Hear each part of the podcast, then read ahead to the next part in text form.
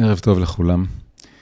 אנחנו בתקופה אה, מאתגרת, בואו נגיד ככה, ולא קלה. אנחנו כבר 82 ימים בתוך מלחמה שלא ציפינו לה ולא רצינו בה, ושגובה מאיתנו הרבה הרבה חיים. החל מהיום הראשון והמר והנמהר והקשה, והמשך בכל יום.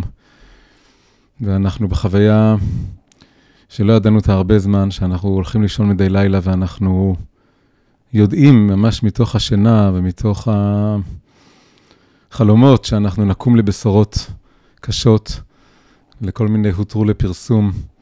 ואנחנו רואים שכל יום עוד חיילים, עוד גיבורים, שהם בנים ואחים ואבות, אה, נקטפים, נלקחים מאיתנו.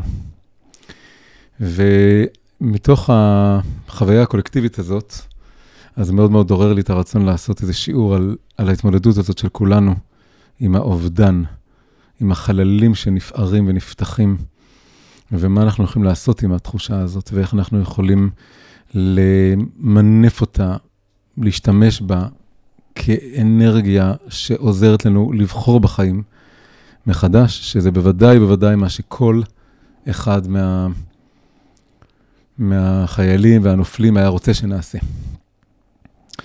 עכשיו, במקביל, במסלול החיים הפרטי שלי, האישי שלי, אז זה מצטרף לנקודת ציון אה, אישית, וזה שהלילה זה היורצייט, היום הפטירה העשירי של אבא שלי. אז אני בעצם מציין הלילה עשר שנים לפטירתו. אבא שלי קראו לו, כשאני מברך אותו, מזכיר אותו, אז אני אומר ידידיה בן שמואל, זה נשמע מאוד משהו אנונימי כזה, אבל הוא היה יהודי מאוד מוכר בארץ, בשם דידי מנוסי. הצעירים לא מכירים, אבל המבוגרים זוכרים ויודעים שהוא היה אה, ממש דמות, כמו שמישהי אמרה לי השבוע, דמות איקונית, אה, עם פרצוף מיוחד, עם שם מיוחד, עם סגנון מיוחד, עם הומור מיוחד. והיה מאוד מוכר, מוכר בארץ, בנוף, בטלוויזיה, בעיתונים, בכל מיני ערבים שהוא הופיע. אה, הוא היה מוכר, הייתי אומר, בעיקר בגלל שני דברים, שאחד זה שהוא היה תאילן, שטייל בכל העולם. אמ, הוא ממש אה, עשה מסעות, קראו לו המוצ'ילרו הראשון, עוד לפני שהיה את כל הטרנד של לנסוע לדרום אמריקה או להודו, הוא עשה מסעות מאוד הרפתקניים, חצה את אפריקה בג'יפ, חצה את הודו בג'יפ, טייל בכל העולם, הבית שלנו נראה כמו מוזיאון, אה, עם אה, חפצים אקזוטיים מרחבי העולם.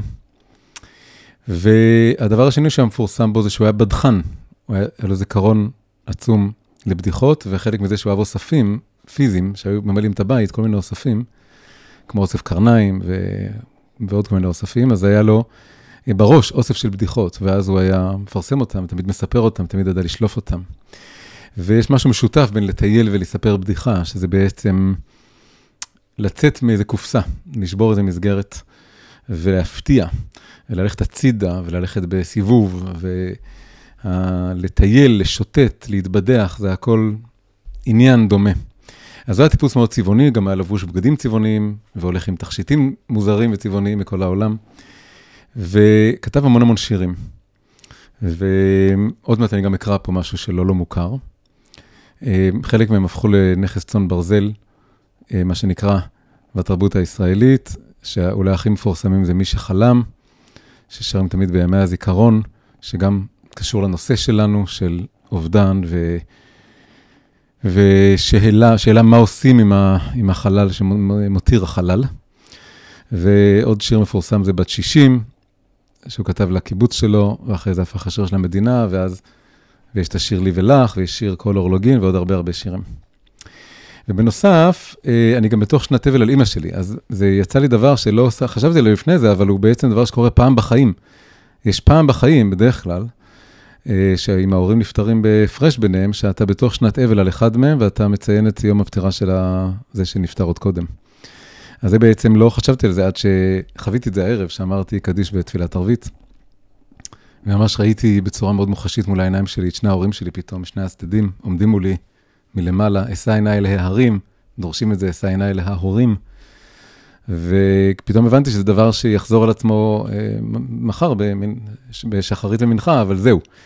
אין יותר דבר כזה שאולי בעצם, אה, כל פעם שאני אגיד קדיש, אז אני אחשוב על שניהם, אבל לא בצורה כזאת, שזה ממש שנת אבל על אימא, יום הפטירה של אבא.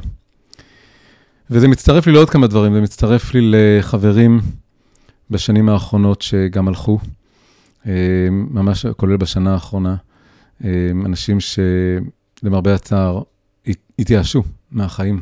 שלושה כאלה שאני מכיר, שבשנה, שנתיים האחרונות, הייאוש גבר עליהם, בוא נגיד ככה, לא, לא רוצה להגיד שהם התייאשו, זה לא בדיוק הם.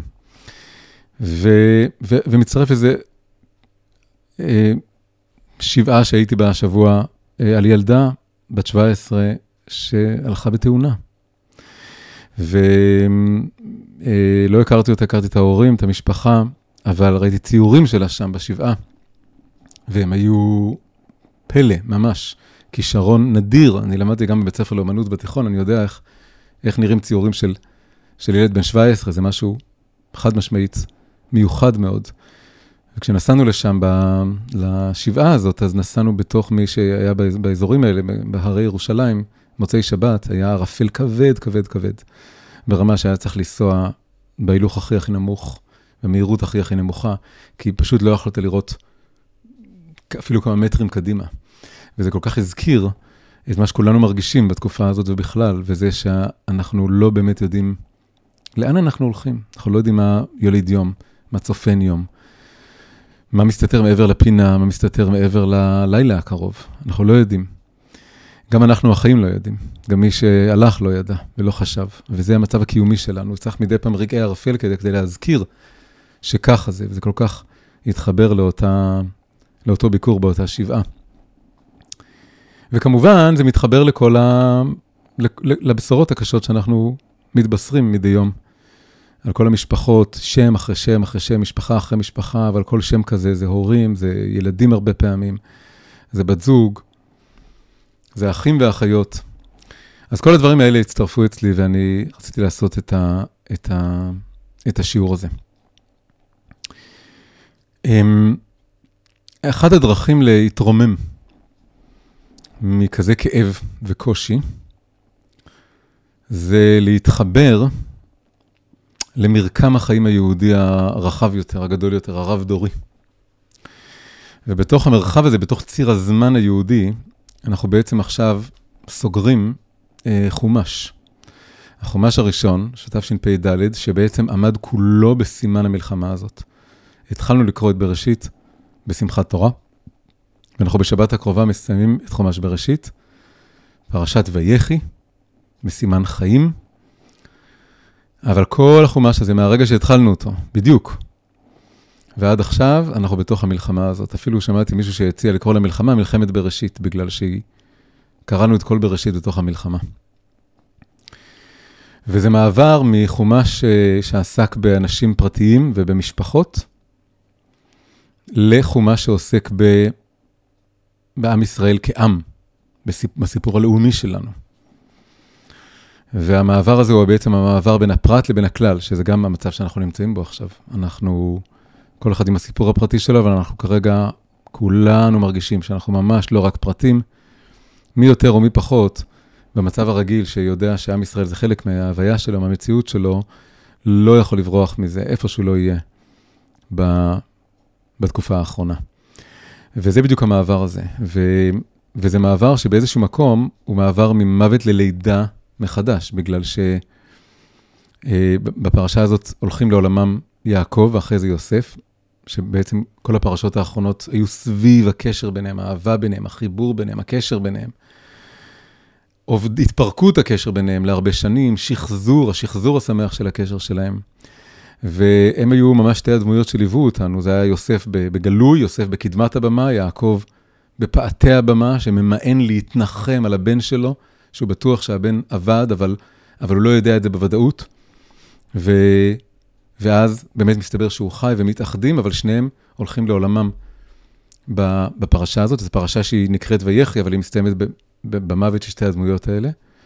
אבל זה, מולי, זה מוביל לסיפור של שמות, של יציאת מצרים, שהוא לידה, לידה מחדש, הלידה של העם הפעם, הלידה של העם מתוך הזרעים של יעקב ושל יוסף ושל האחים.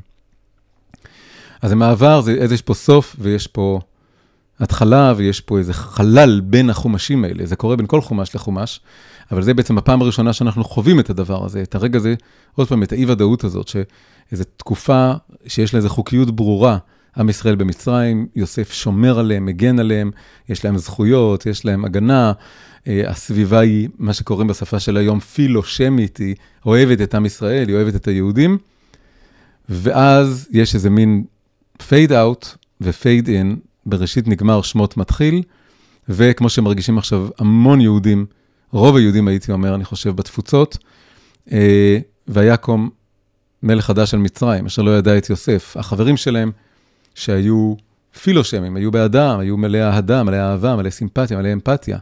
כולל אפילו בתחילת המלחמה הזאת, מפנים את הגב, מפנים את העורף, ואנטישמיות חוזרת ומתעוררת. ושמעתי איזה משפט לאחרונה שמישהו אמר, מישהו לא יהודי, אבל הוא אמר את זה מאוד יפה, הוא אמר שאנטישמיות היא בריאה שהשינה שלה היא מאוד קלה. היא מתעוררת בקלות. היא נרדמת, אבל יש לה שינה מאוד קלה. אז זה בדיוק הדבר הזה, וה, והחלל הזה שבין בראשית לשמות הוא החלל של האי-ודאות של חשבנו שהתמקמנו בעולם ויש לנו תמיכה ויש לנו אהדה, ואז המסך נפתח על מערכה חדשה, חומש חדש, ופתאום העולם מתהפך עלינו, מתהפך נגדנו. ולכן בין חומש לחומש בחלל הזה יש חזק, חזק ונתחזק.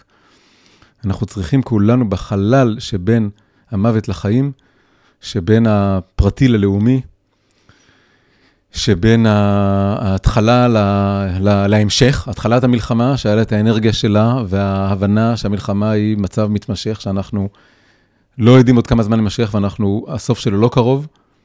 בכל החללים האלה, בכל הרווחים האלה, שאנחנו יכולים ליפול ברווחים האלה, אז בא, אנחנו, יש, בא המנהג שלנו שאומר בסוף כל חומש להגיד, נגיד זה בשבת, חזק, חזק ונתחזק, כן? זה לא סתם אנחנו על זה שלוש פעמים, כי זה לא מספיק חזק אחד ולא מספיק שניים. זה יש חולשה אמיתית ועמוקה וגדולה שמבהילה אותנו, נפערת מתחת לרגליים שלנו בין החומשים, ואז אנחנו צריכים את ההתחזקות הזאת. אז, אז זה בעצם מה ש... אני רק מכין את הקרקע, מכין את הבמה לכל, הר... לכל מה שאני רוצה שנסתכל עליו. זה, זה דבר ראשון. עכשיו, לפני שניכנס לשיעור עצמו, אפשר להגיד שזה כבר בעצם השיעור עצמו, אבל זה ככה מין טיול בין כל האלמנטים שאני פיזרתי כאן. אז אני רוצה, אה, כמו שאמרתי, לקרוא שיר שכתב אבא שלי. אז אה, אה, מה שקרה, הסיפור, הסיפור הבא שלי הוא מעניין. הוא בהתחלה, בתחילת חייו, הוא כתב ספרי שירה, שירה גבוהה, שירה אומנותית. והוא לאט לאט הבין שזה לא באמת הוא. זה לא באמת העניין שלו. והוא צריך יותר לכתוב uh, סאטירה חברתית, פוליטית, והוא לאורך השנים, או, או שירים, uh, uh, מה שנקרא, פזמונאי, ואז הוא לא קורא, הוא לא קרא לעצמו משורר, הוא קרא לעצמו פזמונאי. וזה היה ממש עניין, כאילו, אני לא משורר, שירה זה משהו גבוה כזה, ואני פזמונאי. ו... והוא היה כותב שירים כלילים שהולחנו, שכמו שהזכרתי, שהתפרסמו, והיה כותב טורים בעיתון, בעיתון בידיעות אחרונות, פעמיים בשבוע, אה, כזה טור קצר באמצע השבוע, טור ארוך ביום שישי, שדיברו על המצב, ומזה באמת באה לו הצלחתו ופרסומו. אבל מעניין כן, אם אנחנו מדברים פה על בראשית, ועל סגירת מעגל, התחלנו בראשית, שמחת תורה, גומרים את בראשית עכשיו, אז גם מעניין שמציינים את סוף החיים של בן אדם, להסתכל על תחילת החיים שלו. להסתכל על אותו שלב מוקדם, אפילו שהשלב הזה הוא שלב שהוא עזב אותו, יש לזה שם גם, כן, בשפה היהודית, שפה הקבלית החסידית, קוראים לזה תקופה של תוהו. כשהוא היה בהתחלה משורר, רצה להיות משורר, חלם להיות משורר, כתב ספרי שירה, אז בסוף הוא הרגיש שזה לא באמת הוא, אז זה נקרא שזה היה תוהו, זה היה איזה גישוש, זה היה איזה בחינה, איזה בדיקה. אבל יש משהו מאוד חזק בתוהו הזה גם. וזה דבר שקצת שלא מכירים אצלו בכלל, ואני אפילו בעצמי בקושי מכיר אותו. אבל היום, לכבוד הפטירה שלו, אז הרמתי את הספר הראשון הראשון שלו. ולמרבה העניין, אה, איך קוראים לו? הופ. קוראים לו שירות בראשית. זה הספר הראשון שלו. שירות בראשית. כתוב למעלה רק דידי. הוא עוד לא היה, עוד לא היה המותג של דידי מנוסי, אבל הוא קרא לעצמו דידי. הוא כתב אותו בגיל 22, פרסם אותו בגיל 22, מן הסתם זה נכתב על פני תקופה עוד מוקדמת יותר. אז זה יצא ב-1950, הוא נולד בשנת 28, אה, ו... אה, והוא הוציא את הספר הזה בשנת 50, וזה מאוד מעניין, אז קודם כל זה מתחבר לזמן שלנו, אנחנו גומרים עכשיו את חומש בראשית, אז זה בדיוק על בראשית. איך הספר הזה בנוי? הוא בנוי אה, בעצם מ-13 שירים, שזה הולך ככה, יש שיר ראשון על, על התוהו ובוהו שקודם לבריאה, ואז יש על שירים לכל יום של השבעה ימי בראשית, זה ממש בנוי על סיפור בראשית. וביום האחרון, ביום, סליחה, ביום הלפני האחרון, ביום השישי, יש שני שירים, על האדם, האדם זה מיוחד, אז הוא כותב שני שירים. על השבת עוד פעם שיר אחד. אז זה כבר ביחד, אה, כן, תשעה שירים.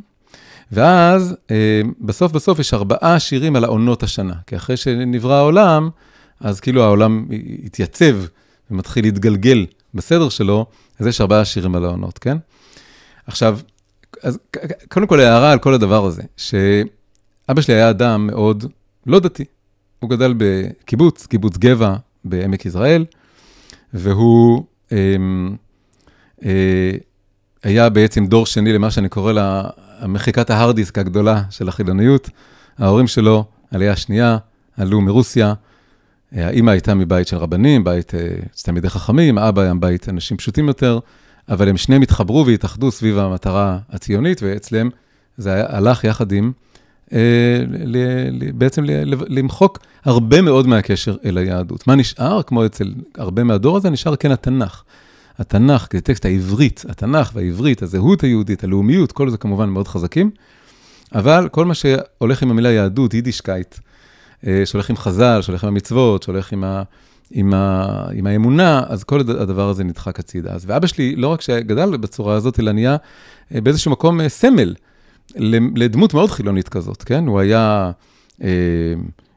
הכתיבה שלו הייתה סאטירית מאוד נגד הדתיים, נגד הימניים, והוא היה מאוד מוכר בדבר הזה, עם הציניות שלו, הציניות, הסרקזם כזה, שהוא כאילו נושך, והוא לא, אה, אין לו שום דבר קדוש, מוכן לנפץ את כל, ה, כל הפרות הקדושות וכן הלאה וכן הלאה. אבל כאן אנחנו רואים שהספר הראשון שלו בגיל 22, הוא כולו סביב סיפור בראשית. אגב, הוא נפטר, כשהוא נפטר זה היה פרשת שמות, אבל הפ... השנה זה יוצא, שזה עכשיו בערב אה, פרשת ויחי ולא שמות, אז זה ממש יוצא יפה השנה, בעשר שנים לפטירתו, ככה לסגור את חומש בראשית עם ה...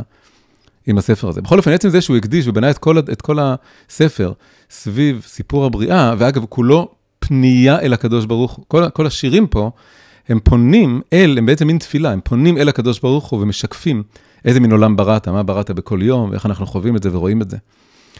אז כל זה נורא מעניין, כי זה מראה שהחילוניות, בוודאי אז, ואני חושב שבאיזשהו מקום גם היום, וזה מתעורר כל פעם מחדש, כמו שאותו אחד אמר שהאנטישמיות היא בריאה שהשינה שלה קלה, אז אפשר להגיד שגם ה...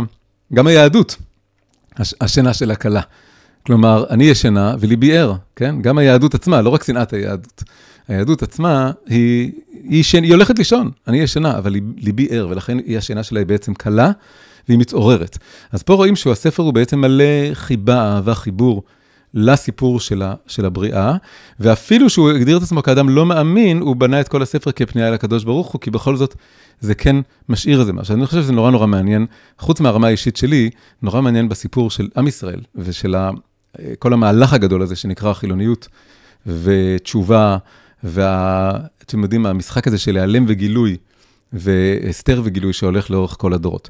ועוד הערה קטנה, לפני שאני מקריא את הקטע הזה, אני גם אראה לכם אותו על המסך, אה, זה שיש התבוננות מאוד יפה שמיוחסת כמדומני לרבי אברהם אבולעפיה, שהוא לוקח את המילה אחד, כן? יש שמע ישראל השם אלוקינו השם אחד, המילה אחד היא מילה מאוד חשובה, היא מבטאת את כל אחדות, אמונת הייחוד של, ה, של הקדוש ברוך הוא, של המונותאיזם.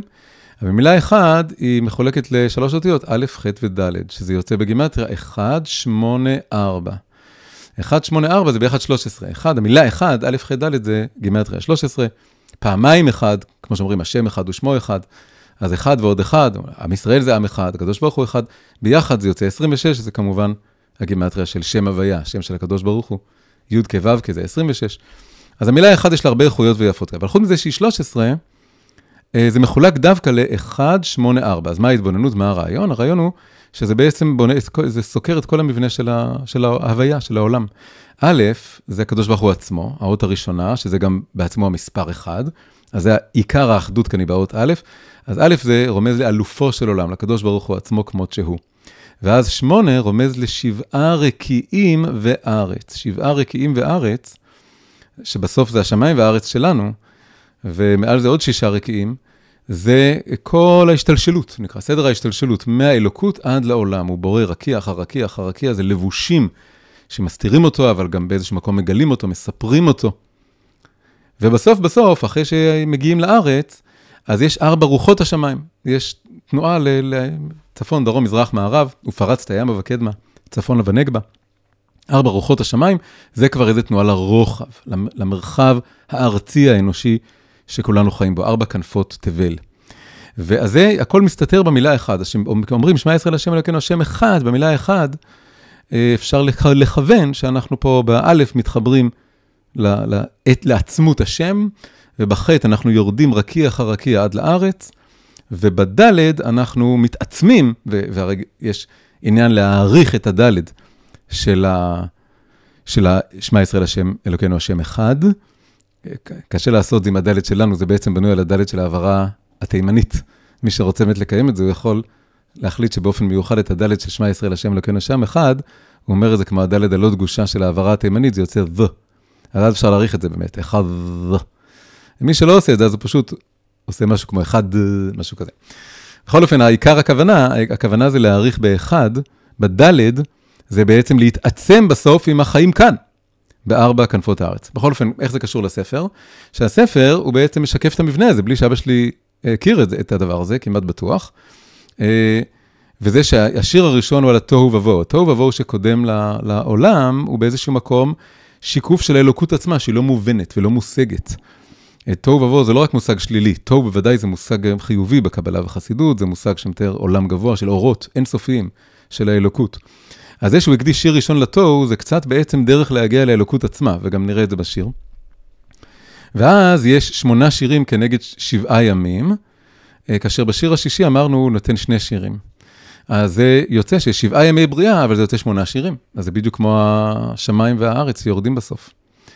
אה, כאשר השבת זה יוצא היום הארצי, כן? השיר השמיני.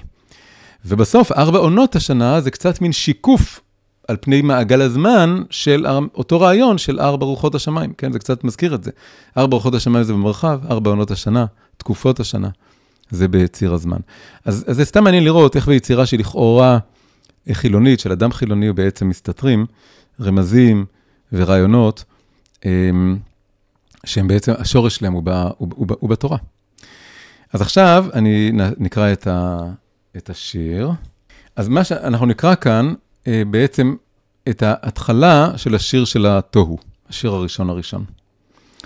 אה, אני לא אתעמק פה בכל שורה, וגם באמת, אני מזכיר את המתח פה, שזה מצד אחד זה הספר הראשון והשיר הראשון בספר הראשון שאבא שלי הוציא לאור, זה מין התחלה של כביכול הקריירה שלו כמשורר, אבל משהו מאוד רע אחרי זה כמשהו של תוהו, כאילו אמרנו, הוא כאילו החליט שהוא לא, הוא לא משורר, הוא פזמונאי, אבל דבר מאוד יפה. אז בכל מקרה, בואו בוא נקרא את זה, ואז, ואני קצת אגיד על זה כמה מילים, ואז ננסה לחבר את כל הדברים האלה לפרשת שבוע ול, ולשאלות הקיומיות שלנו בדור שלנו. אז נתחיל ככה, כדמות באופקים מופעת חרישית, כלהב הצועד לפני בו הניצב. כלומר, יש פה מין כמו ש, ש, שוטר עם רובה, ויש לו אה, פגיון כזה בקצה הרובה, כמו שהיה להרבה חיילים פעם, אז הלהב מופיע לפני, לפני האדם.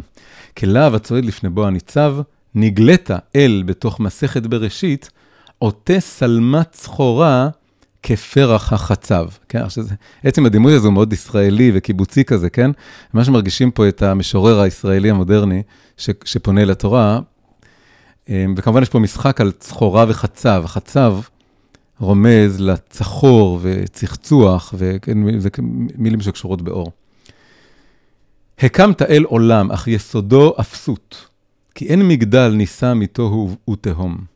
לכן יש כתם סחי על טהרת הכסות, לכן תבל בלויה כבגד של יתום.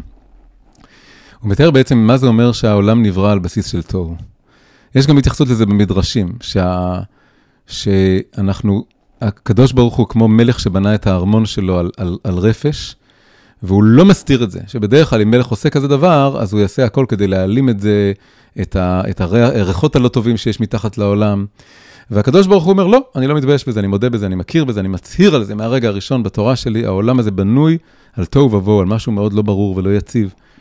ו, ואז הוא אומר, יש פה איזה כאילו עולם טהור אה, וצחור, אבל בעצם יש לזה כתם, ו, והוא כבר מזכיר פה איזה עניין של יתמות, שזה בעצם, קצת אפשר להגיד, החוויה החילונית, חוויה של יתמות של האלוקות נעלמה ונסתתרת, כן? השאלה, החוויה החילונית היא בעצם העצמה של שאלה דתית. השאלה הדתית היא איפה הקדוש, איפה, איפה הקדוש ברוך הוא, איפה אתה בשואה, איפה אתה ב, בחיים שלנו, איפה אתה במלחמה הזאת. ו, אבל, אבל השאלה הזאת נשאלת, השאלה הזאת פונה אל, אותו, אל אותה אלוקות. אז, אז יש בעצם, בעצם חוויה של יתמות. אני זוכר בשבילי, זה הרגע מכונן בחיים, להבין שבעצם החוויה הכי בסיסית של כל האדם המודרני החילוני, היא חוויה של יתמות, וזה עורר אותי לחפש בעצם מחדש את, את אבא, כן? לחפש את הקדוש ברוך הוא. מתוך הבנה שהרגש הזה של היתמות, שלא מוחקים אלפי שנות אמונה ב-200 שנות חילוניות או אפילו פחות. אז פה רואים את זה מאוד ככה על פני השטח. ועכשיו תראו איך זה מאוד מתחבר למציאות שלנו של מלחמה וכאב. נלחם השחור בשחור, נבקע עולם לשניים. המו כוחות יקום, שורקים והוללים. ושעון הנלחמים עלה עד השמיים, הן הרקיע שם, בלב הנחשולים. כן, אז הוא מתאר במציאות של בעצם מין מלחמה קוסמית כזאת. אה, ובין שחור לשחור, כי עוד אין מציאות. והעולם נבקע לשניים, וזה מאוד מתאר את המלחמות של העולם, מלחמות של החיים, כולל המלחמות שלנו כאן. יצרת אבן אל שלא תוכל לשאת. כגמול, כלומר תינוק, המתקומם למרוד בהורתו. הוא בעצם אומר, אתה יצרת את החילוניות שאני חי אותה, מה אתה רוצה ממני, כן? אתה נתת לי את הכוח למרוד בך, ואני, זה מה שאני עושה. אבל אני פונה אליך, כן? זה כל המתח המעניין פה. בגל הערפל, כך התבל נסעת, כלומר, נסחפת או נוסעת, בין שחק ותהום, בין תמול ומחרתו. ואז הוא, הוא, הוא מתאר כזה דבר, נהם עולם כבול, העולם נוהם, הוא כבול כעב בתוך הסער. יש כמו, יש פה איזה מין ענן בתוך הסערה, והוא מיטלטל בתוך הסערה, וכל העולם הוא ככה, בין השמיים והארץ. רועף, כאילו מרעיף, גילת שכרות, כלומר שמחה של שיכורים, ונטף תמרורים, כלומר בכי עצוב, בין השמחה והעצב. אל מול המרחבים יצמח תאל היער, אל מול המרחב של החוסר משמעות נתת יער עם הרבה עצים ופרחים ומשמעות, ומול רוחות טייפון את ניב הצפרירים, כלומר הדיבורים של הציפורים. אני, אה, על זוהר היונים מטיל צללים הנשר. הכל פה בא לתאר את הניגודיות כאילו של החיים, כן? יש יונים והם זוהרים, אבל מצד שני יש את הנשר שמטיל עליהם צל. מנגד לדמעות יש רון ומחולות. הרמת אל פסגות, קרוב ואין לגשת. אתה נותן לנו המון אידיאלים, או דברים יפים, או דברים לשאוף אליהם, אבל אי אפשר להגיע אליהם, כי ים המסתער לכבוש את החולות, ולא מצליח. נולד עולם חדש, ומצד שני, והוא בלה מזוקן. כיצאנית זונה אחר הניגודים. הוא כל הזמן נמשך, מטלטל בין הניגודים. זונה, כי זה פעם לכאן ופעם לכאן. ורוויית קנאה, רק השלמות זועקת, ויען הד בינות חורבות ועמודים.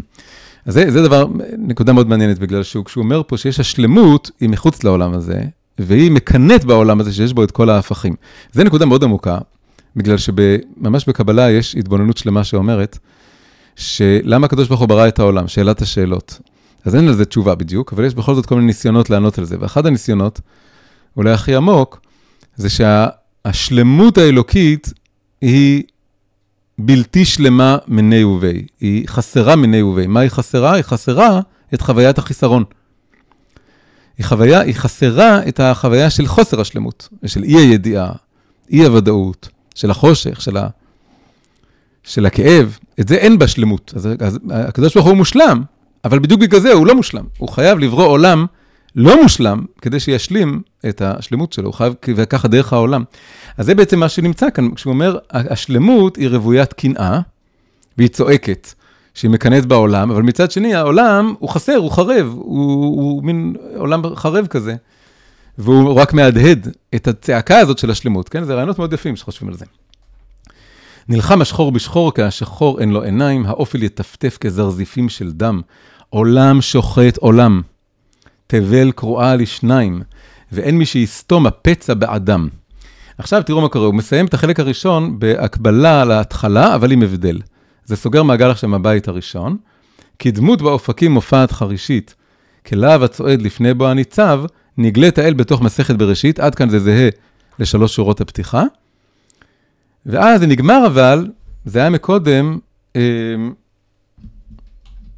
זה היה עוטה שלמת סחורה, כפרח החצב, וזה הפך להיות חשוף וערירי כפקעת החצב. עברנו מפרח החצב לפקעת החצב, ומצחור וטהור כזה לחשוף וערירי. ובעצם, יש פה מעבר מאוד יפה, שיש פה את השלמות האלוקית, מה שאמרנו, ואז הוא משהו מושלם, והוא כמו הפרח של החצב, אבל אז, אה, כשהעולם הזה נברא, אז נחשף כל הצד השני, הצד החשוך כביכול של האלוקות, הצד הלא מובן, הצד השבור, הצד החסר, הצד שבלשון של הרב קוק הוא קרא לזה, יש את השלמות וההשתלמות. האמת, זה לא הלשון של הרב קוק, זה מגיע מרב אייזק מהומיל, שרב אה, קוק היה תלמיד של תלמיד שלו. ו, והשלמות וההשלמה, או שלמות והשתלמות, ההשתלמות הזאת, יש בה את ה... היא פקעת, היא לא שלמה, היא לא פורחת. ואז אז דווקא יש פה מעבר משלמות אלוקית לחוסר שלמות שמופיעה בתוך העולם. עכשיו, למה זה מעניין? כי עכשיו אני קופץ רגע לסוף סוף, כמעט סוף הספר, יש את כל השירים, יש עוד על, התוהו ויש עוד את כל השירים על הימים, אבל בסוף השיר של השבת, לפני שזה מגיע לשירים על העונות השנה, אז אה, בסוף סוף השיר על השבת, שהוא מתאר כבר עולם מושלם ושלם ושלב, שכל הפרטים שלו נבראו, אז מופיע הבית הזה.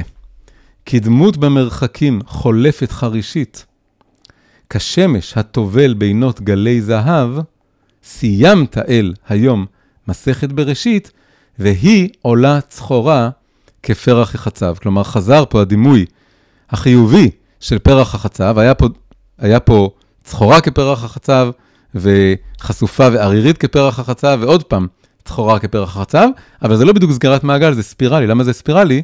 כי מי עכשיו צחור כפרח החצב? לא הקדוש ברוך הוא, כמו שהיה בבית הראשון הראשון, אלא הבריאה, המסכת בראשית. הבריאה עצמה, היא פתאום מגיעה לאיזה שלמות, היא, וזה בעצם שילוב של החיסרון האלוקי של הפקעת החצב שהיה בעולם במצב התוהי שלו בהתחלה, ואז זה מתחבר עם השלמות האלוקית שהייתה בהתחלה, שהוא, האלוקות היא צחורה כפרח החצב. אז אני חושב שיש כאן משהו, זה בעצם, הכל רומז למבנים נצחיים כאלה של ירידה, צורך, עלייה.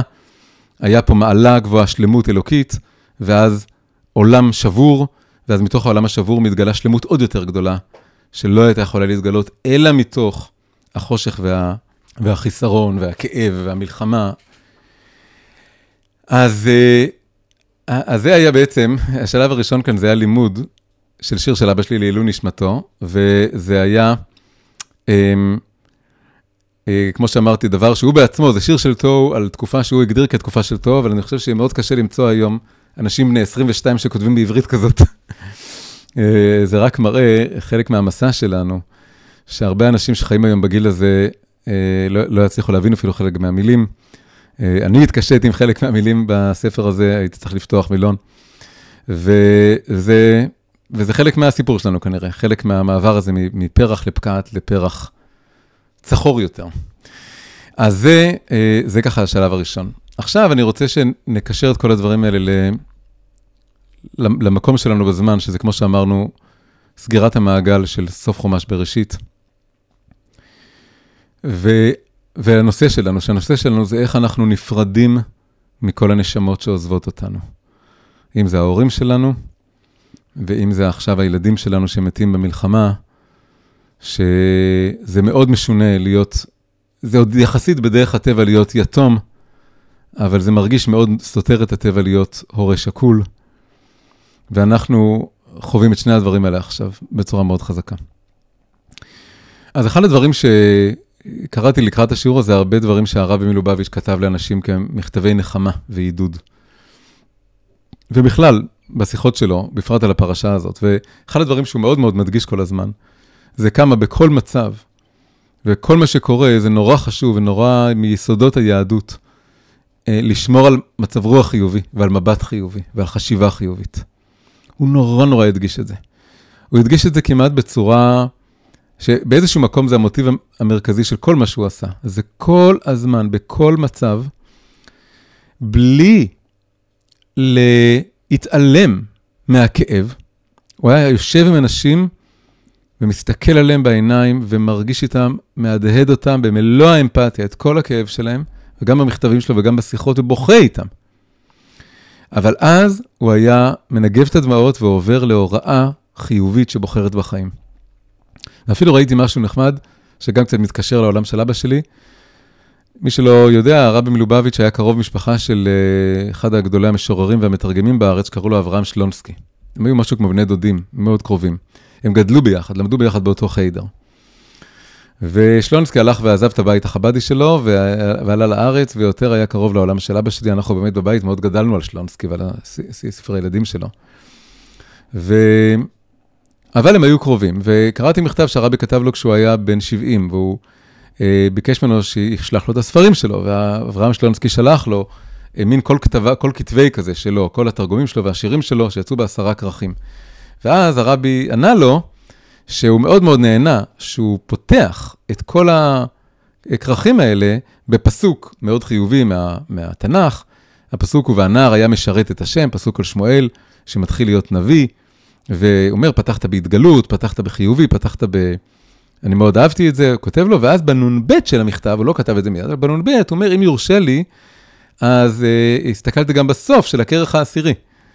וזה כבר מראה שהרבי אוהב להסתכל על התחלות וסופים, נעוד סופן בתחילתן, אוהב לראות איך דברים מתחילים, איך דברים נגמרים. כל מי שעושה גם בכתיבה יודע שיש עניין שלם מה, מה המשפט הראשון ומה המשפט האחרון. זה אתה, אפשר לשבת על המשפט הראשון והאחרון, כמו שיושבים על פרק שלם או, או פסקאות שלמות, כן? כי זה דורש המון מחשבה, זה באיזשהו מקום. הכל, אוכל, הכל הולך אחר הפתיחה, הכל הולך אחר החיתום, וחייב להיות קשר ביניהם. אז הוא אומר, ציער אותי לראות שהמשפט האחרון בספר, הוא משפט שמדבר על אה, שיר אבל. המשפט האחרון, המילה האחרונה בספר הייתה אבל, והמשפט האחרון היה משהו ללכת בעקבות שיר אבל או מזמור אבל. הוא אומר, ואומנם זה תרגום של שיר שכתב משורר גוי, אבל גם אם יוצא לנו להיות באינטראקציות עם גויים, ואנחנו צריכים באיזושהי סיבות לתרגם את השירים שלהם, וזה היה ראוי לגמור, יהודי לא צריך לגמור ככה ספר, יהודי צריך לגמור ספר בצורה חיובית. עכשיו, למרבה הפלא, את זה קראתי, זה השגחה פרטית של ללמוד דברים, אז את זה קראתי אתמול בלילה, והיום, כשקראתי שיחות של הרבי לפרשה, ראיתי שהוא שואל בדיוק את אותה שאלה על סוף פרשת ויחי, סוף חומש ב, אה, בראשית. מה הפסוק האחרון של חומש בראשית? כתוב, וימת יוסף בן 110 שנים, ויחנתו אותו, ויישם בתוך, ויישם בארון במצרים. סוף, כן, חזק חזק ונתחזק. ככה נגמר חומש בראשית. והוא אומר, זה זה נגמר שלילי בעצם, כי מתארים, איך שמים אותו בארון, בתוך מצרים, והמילה האחרונה היא מצרים, ככה אני רוצה לגמור את חומש בראשית, איזה מין דרך זה לגמור את חומש בראשית, זה נראה נורא שלילי. ואני יודע שהולך לקרות דברים רעים בחומש שמות, וזה קשורים במצרים. אפשר להגיד שמצרים מוביל לחומש שמות, בסדר, אבל, אבל זה עוד לא קרה. אפילו, אפילו חומש שמות עצמו מתחיל בפסוקים שהם עדיין חיוביים, הם מתארים את שמות בני ישראל, הם, הם מסכמים את התקופה הטובה שהייתה עוד לפני שיוסף מת, ורק אז כתוב שיוסף מת וקם מלך חדש של מצרים. אז למה אה, לסיים בנימה כזאת שלילית? והוא מסביר, זה לא שלילי. זה לא שלילי. וכנראה הוא, הוא לא הרגיש את זה, הוא לא הרגיש שאפשר להגיד את זה על, ה, על הבחירה של שלונסקי לשיר שהוא שם בסוף הספרים שלו, אבל הוא כן אומר את זה על פה, על הפסוק האחרון של בראשית. הוא אומר, זה לא שלילי. העניין של יוסף, כל העניין שלו, כל השליחות שלו והייעוד שלו, זה לתת כוח לכל האחים שלו והצאצאים שלהם לעבור את מצרים, לצאת בשלום ממצרים. זה מיד מוביל לחזק, אפשר, המחזק הראשון לפי זה. אפשר להגיד שמחומש שמות והלאה, כשאומרים חזק חזק ונתחזק, התחושה היא שמי מחזק אותנו? משה רבנו.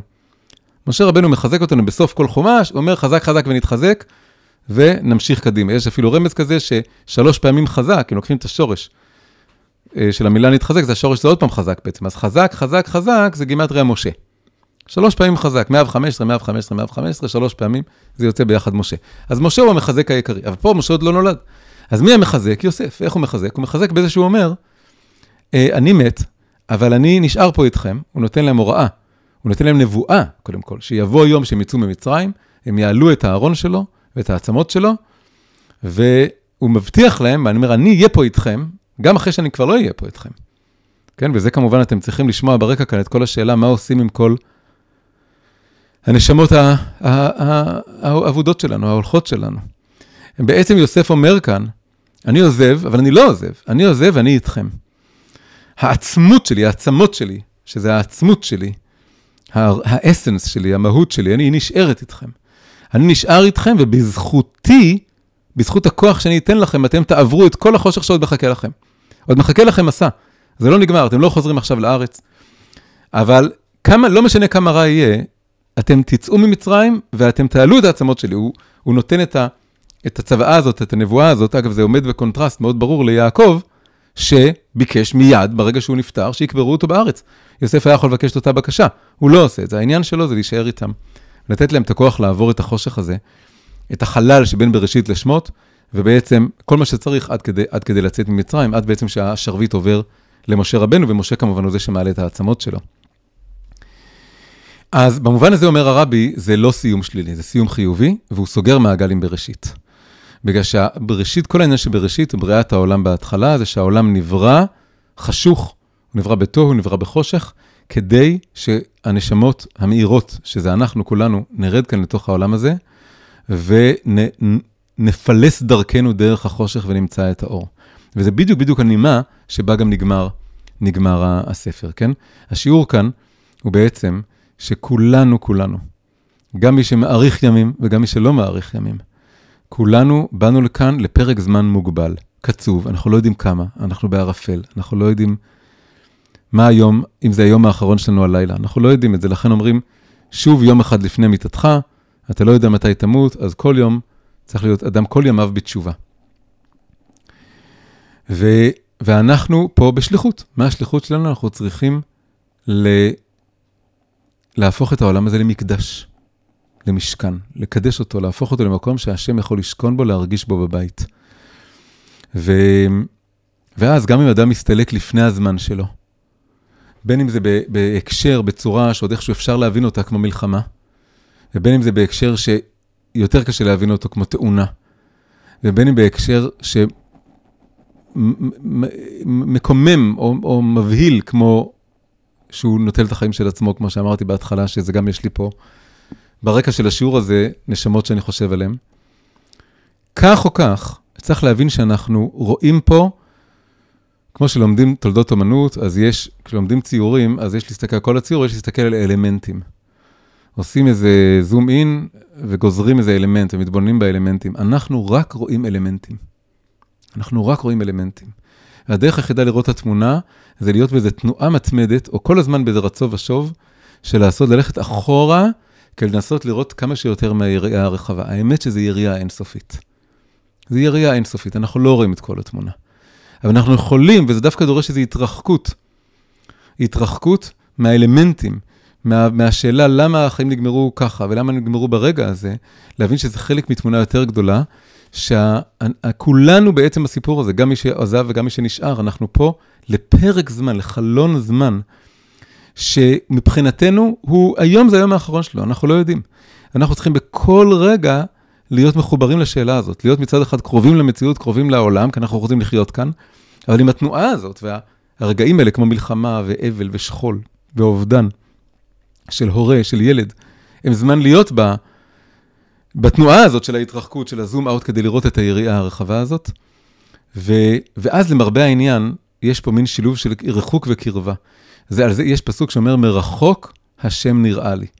אם אני מנסה להתקרב אליו ולראות אותו ולהבין אותו ולתפוס אותו, אז אני מתחבר לאלמנטים מהתמונה, ואני לא רואה אותו בכלל. אבל דווקא אם אני הולך, הולך אחורה, הולך מתרחק, אז מרחוק השם נראה לי. יחד עם זאת, כתוב קרוב השם לכל קוראיו, וכל אשר יקראו באמת. ויש משהו בקריאה נורא מעניין, במילה הזאת קריאה, בפעולה הזאת קריאה. קריאה זה לא צעקה. צעקה זה למשהו רחוק, שאני לא יודע אם יש סיכוי שהוא ישמע אותי בכלל, אני צועק, כולי היי ואולי, אולי הוא ישמע אותי. ו, ומישהו קרוב אליי, אז אני פשוט מדבר אליו. אני, אני, אה, אני ניגש ומדבר איתו. אבל קריאה זה למישהו שהוא רחוק, אבל בטווח שמיעה. זה קריאה. זה לא צעקה, שזה רק חוויית ריחוק, שאני לא יודע אם מישהו שומע אותי, לא שומע אותי, וזה לא מין הרגשה שהכל מובן לי, והכל בכיס שלי, והשם פה, והכל סבבה, והכל זה גן שש השנים. זה לא. הוא רחוק, לכן אני קורא לו, אבל הוא שומע, ולכן אני קורא לו ולא צועק לו. הקריאה, יש קרבה בין קריאה וקרבה, המילים, קרוב השם לכל קוראיו, השורש קרא, השורש קרא, והם קרובים בעצמם, הם מרחק צעד אחד קטן. אם אתה, אם אתה קורא, אז השם קרוב. אז הקריאה הזאת, אבל היא שילוב של מרחק וקרבה, זה הנקודה כאן. אז, אה, אז זו נקודה ראשונה שעולה כאן מאוד חזקה, אני חושב, מכל ההתבוננות הזאת, ב, ב, בסוף של בראשית. ו... אמ,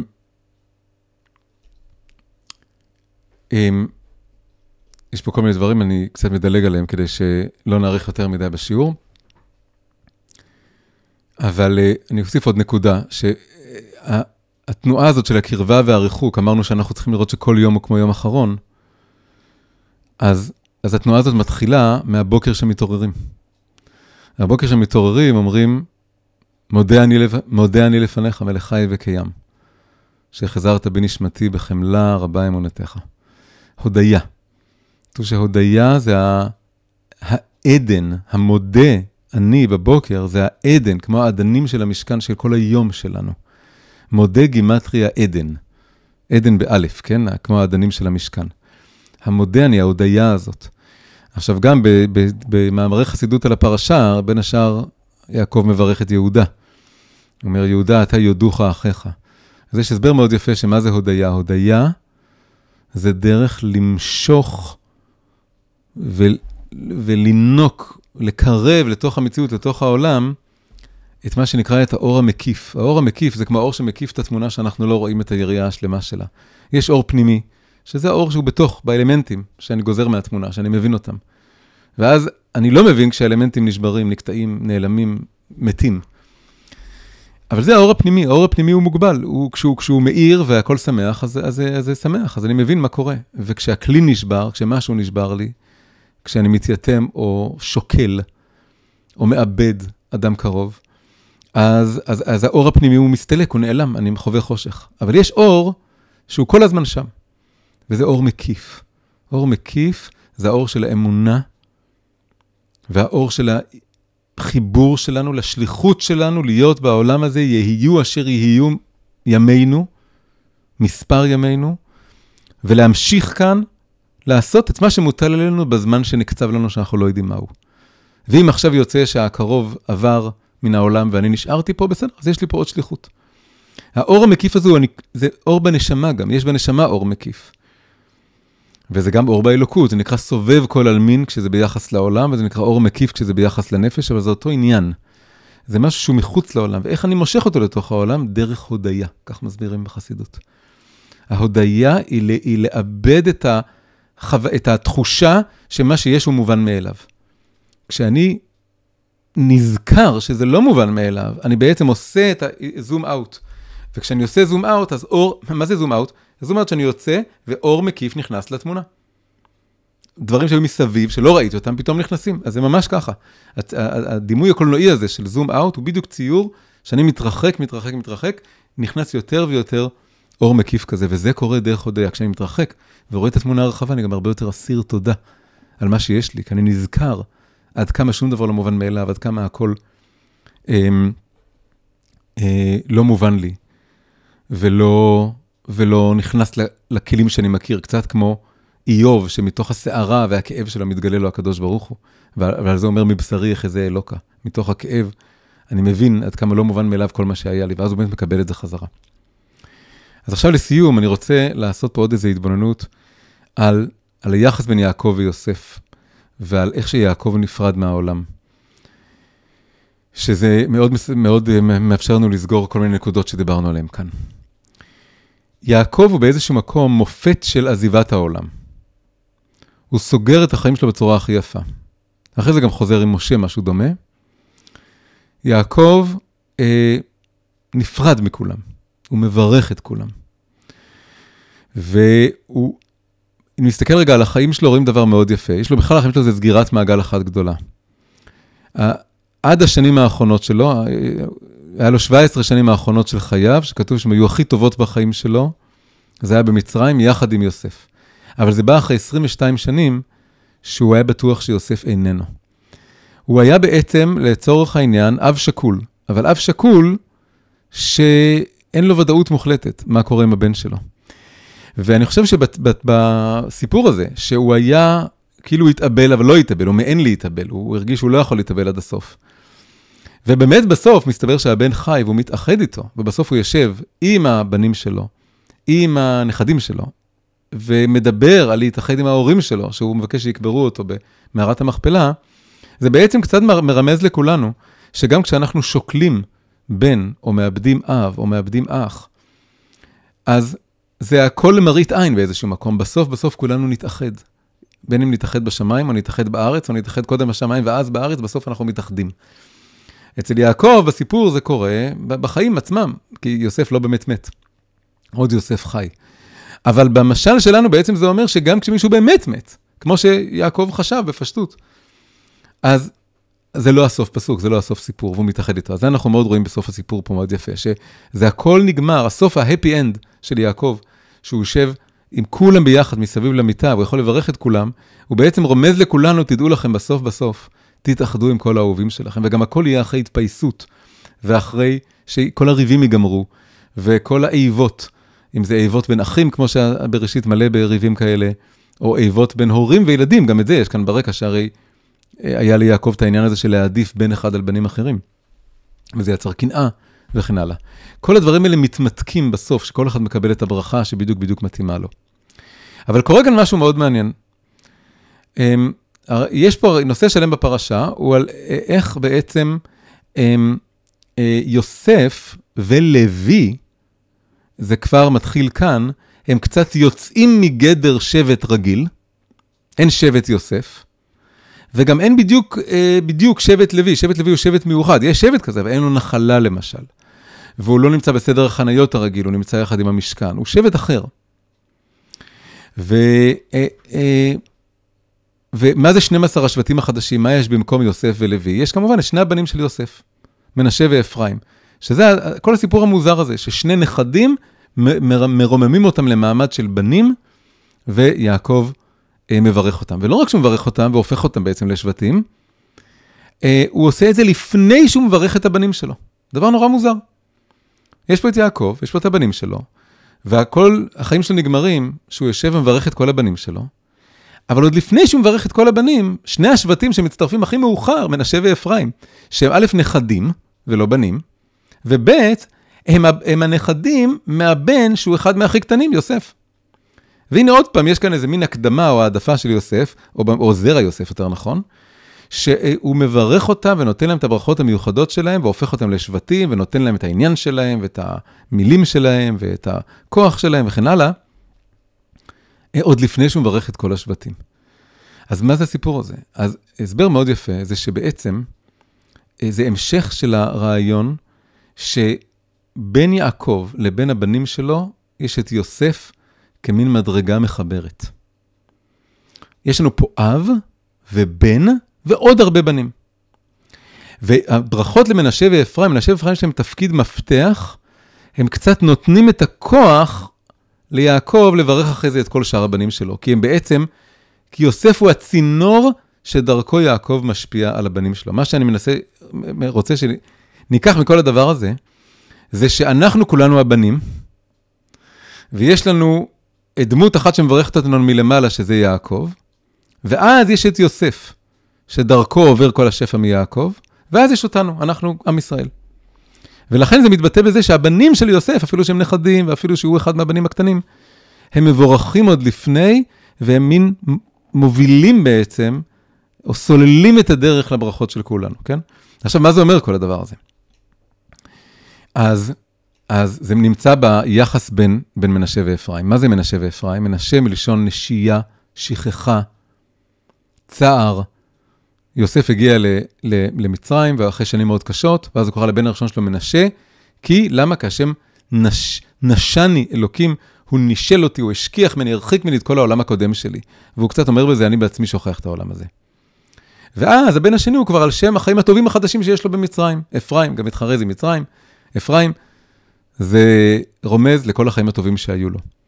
כשבא יעקב, ולא רק שהוא מברך, מקדים את שני הנכדים האלה לכל הבנים, אלא בתוך שני הבנים האלה הוא עושה את סיכול הידיים המפורסם, הוא הופך את הידיים שלו, והוא שם את אה, אפרים, הבן הצעיר, על, לצד ימין שלו ומברך אותו ראשון, אומר, כאפרים וכמנשה, מקדים אותו בברכות, אה, ו- ויוסף מתקומם על זה. אבל המסר שבעצם עולה מכל הדבר הזה, הוא שבעצם הוא אומר לו, אתה, יוסף, חווה את הסדר הרגיל של הדברים. קודם הכאב ואז השמחה. קודם האבל ואז הנחמה שמגיעה בעקבות ההתחדשות, תחיית המתים, יציאה לאור וכן הלאה. ואני בא להזכיר לך שזה עובד הפוך, בשורש זה הפוך. כל הכאב הזה הוא, הוא לצורך המטרה המקורית שלו, סוף מעשה במחשבה תחילה. המחשבה תחילה, אני שם את אפרים ראשון, זה שבסוף יהיה פריון, ויהיה חיים, ויהיה שמחה. ואני רוצה להזכיר לך את הדבר הזה. אז, אז אם אנחנו נחבר את עצמנו למה שאמרנו, שיש פה אבא ובן, ואז אנחנו, כן, ואני, בזה אני מסכם את השיעור של זה שהוא, אני חושב על אבא שלי ואני הבן שלו, ו, ואיך כולנו עומדים ביחס לדבר הזה, שאני רוצה להמשיך אותו לתוך העולם, וכולנו עומדים ביחסים האלה של אבות ובנים מול המציאות, אז בעצם רואים שהאבא מזכיר לכולם את העניין שבסוף בסוף יש תכלית, רוצים להגיע לארץ ישראל. לכן הוא מבקש להיקבר בארץ ישראל, לכן הוא שם את אפרים, שזה מלשון פריון ושמחה ועתיד וחיים ו- והתפתחות. הוא שם אותו ראשון. בש- בשתי האמירות האלה, הוא בעצם כבר נועץ אותם בנקודה העתידית של ארץ ישראל. הוא אומר, המטרה שלכם בסוף זה להגיע, להשתטח על הקבר שלי במערת המכפלה, והמטרה שלכם בסוף זה שיהיה המון פרו, פריאה ורבייה, המון פרו ורבו.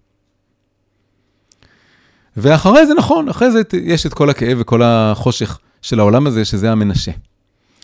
ואז יוסף, שהוא הבן שלו, הוא אה, נותן את הכוח, כמו שאמרתי מקודם, בזה שהוא אומר, אני פה איתכם.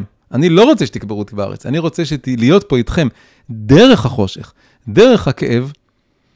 אז אני בעצם רוצה שתמשיכו, תתקדמו, אה, תתקדמו הלאה, ולא תיבהלי, לא, לא, לא תיבהלו, לא תיפלו מהחושך הזה. עכשיו, אם נחבר את זה למציאות שלנו היום, שאנחנו מתאבלים על כל מי שעוזב את העולם עכשיו, אנחנו צריכים להגיד לעצמנו בעצם כזה דבר. בסדר העולם הרגיל, קודם מתים האבות, ואז מתים הילדים. יש מצבים נוראים וכואבים שזה לא עלינו הפוך. ומת הילד לפני שמת האבא. אבל אנחנו צריכים להגיד שזה לא נכון. הסדר הרגיל עדיין ממשיך. מי שמת הוא כמו האבא שלנו. ואנחנו שנשארנו בחיים, אנחנו כמו הילדים שלו. גם אם מי שמת זה הבן שלי, או האחיין שלי, או מישהו שצעיר ממני, הוא כרגע בהיותו מת, זה כמו יעקב שמת, והוא מצווה ואומר, אני רוצה שאתם תזכרו את העיקר, שהעיקר זה החיים. אל תשימו במרכז, בעיקר, את חוויית המנשה, את חוויית הנשייה, את חוויית השכחה, חוויית הכאב, חוויית הצער, חוויית האבל. אני רוצה שתשימו במרכז, תיזכרו בי ותתעצמו בחיים שלכם, תזכרו את התכלית שלכם. ואנחנו, לעומת זאת, שנשארנו כאן, אנחנו הבנים. אפילו, עוד פעם, אפילו אם הוא צעיר מאיתנו, הוא בעצם זה שהוא נפטר לפניי, הוא כבר קצת אבא שלי. ובעצם זה שאני ממשיך לחיות אחריו כאן, אני קצת הבן שלו. אז אני צריך ל... ל... להיות כאן כמו יוסף והאחים שלו, שזה בעצם לבוא ולהגיד, אני, התפקיד שלי כאן זה להישאר כאן ולהתחבר לעצמות שלי, לעצמות שלי, ולהיות כאן בתוך החושך. אני יונה כאן עכשיו את ההשראה מהדמות של הבן. מי שנפטר עבורי הוא כמו האבא, הוא כמו יעקב שאומר, אני עוזב את העולם, אני נותן לכם ברכות, ואני מזכיר לכם, אתם חייבים בסוף להגיע לארץ ישראל. לא יודע איך, לא יודע מתי, אבל זה המטרה שלכם, זה הייעוד שלכם, זה התפקיד של אבא. אבא רואה את התמונה השלמה, אבא הוא גדול. מי שנפטר כרגע, זה נשמות קדושות, שהם הם עכשיו כמו אבות שלנו. הם כמו האבות שלנו. וצריך לחשוב עליהם כמו אבא, כמו אבא שמאמין בנו, מעודד אותנו, פוקד עלינו, מותיר לנו איזה צוואה, איזה ציווי. כן, מה זה צוואה? מה זה שמישהו עומד בשיר צוואה? הוא עכשיו כמו אבא שמצווה. מי שנפטר הוא כמו איזה דמות של אבא עכשיו. אבל אנחנו פה עם יוסף. אנחנו פה בעולם הזה בחושך צריכים, איך אנחנו לוקחים את כל האמונה והתקווה הזאת של, אה, של הדמות ש, שעזבה הדמות של האבא, אנחנו צריכים לקחת את ה... להתחבר לדמות של יוסף, שיוסף אומר, אני פה איתכם, במצרים, בגלות, בחושך. אבל אני מבטיח לכם שאני איתכם, אלווה אתכם עד, ל, עד למצב של הגאולה. אז אותו דבר אנחנו צריכים בעצם אה, אה, לעמוד בציפיות ובתקוות ובחלומות של כל המתים, של כל העוזבים, שהם עזבו כדי לה, לה, להותיר לנו, להשאיר לנו את החלום ואת התקווה ואת האמונה להאיר את העולם הזה. והם כמו אבא שלנו. ופה, כשאנחנו כאן הילדים שלהם, אז אנחנו צריכים להתחבר עם הדמות השנייה שנפטרת בפרשה, שנפטרת ונשארת, שזה יוסף. בעצם, המתים יש את שתי הבחינות האלה. היעקב שבכל, זה בעצם אולי הדרך הכי טובה לסכם את זה. כל אדם שעוזב הוא גם יעקב וגם יוסף, כי שניהם הרי הולכים לעולמם בפרשה. היעקב שבו זה האור שלו שמאיר מלמעלה את התכלית ואת הייעוד, והיוסף שבו, הבן שבו, זה החלק שממשיך פה להיות איתנו ובעצם מבקש, תמשיכו אותי. תמשיכו את הבשורה שלי, תמשיכו את הייעוד שלי. ת, תגשימו את הכישרונות שלי ואת הייעודים שלי ואת הרצונות שלי, זה עובר אליכם, אני מעביר את השרביט אליכם, להאיר אותי בתוך העולם. אז עד כאן בעצם ה... השיעור הזה, ההתבוננות הזאת, ושכל השיעור הזה מוקדש לעילוי נשמת. אה, בשבילי, ברמה האישית, זה אבא שלי, שעכשיו אני, זה עשר שנים לפטירתו, ואימא שלי, שאני בתוך שנת אבל עליה, עוד לא עברתי את החצי, חמישה חודשים. וכל מי שאנחנו מכירים עכשיו, ש... שהיה איתנו עד כל כך לאחרונה, אבל עכשיו כבר לא איתנו, אבל שאנחנו רוצים לראות בו גם אב וגם אח. אב שמורה לנו את הדרך, ואח שנותן לנו את הכוח, מעודד אותנו ללכת בדרך הזאת. וכמובן, כל אחד יכול לצרף את הכוונה שלו ואת ה... את הקרוב שלו, את הכאב שלו לשיעור הזה, ואת כל הכוונות האלה אנחנו נצרף ביחד ונעלה למעלה. ואני מודה לכולכם שהייתם פה הערב, ו... ואני אראה אתכם בשיעורים הבאים, ב... במפגשים הבאים. שלום, אני מקווה שנהניתם מהשיעור, אם כן, אנא עשו לייק, עשו מנוי לערוץ ושתפו עם החברים. אם אתם רוצים לקבל עדכונים ממני על שיעורים שאני מוסר, דברי תורה ותכנים אחרים, אתם מוזמנים להצטרף לקבוצת הוואטסאפ שלי דרך הקישור שלמעלה או בתיאור. כל טוב ולהתראות.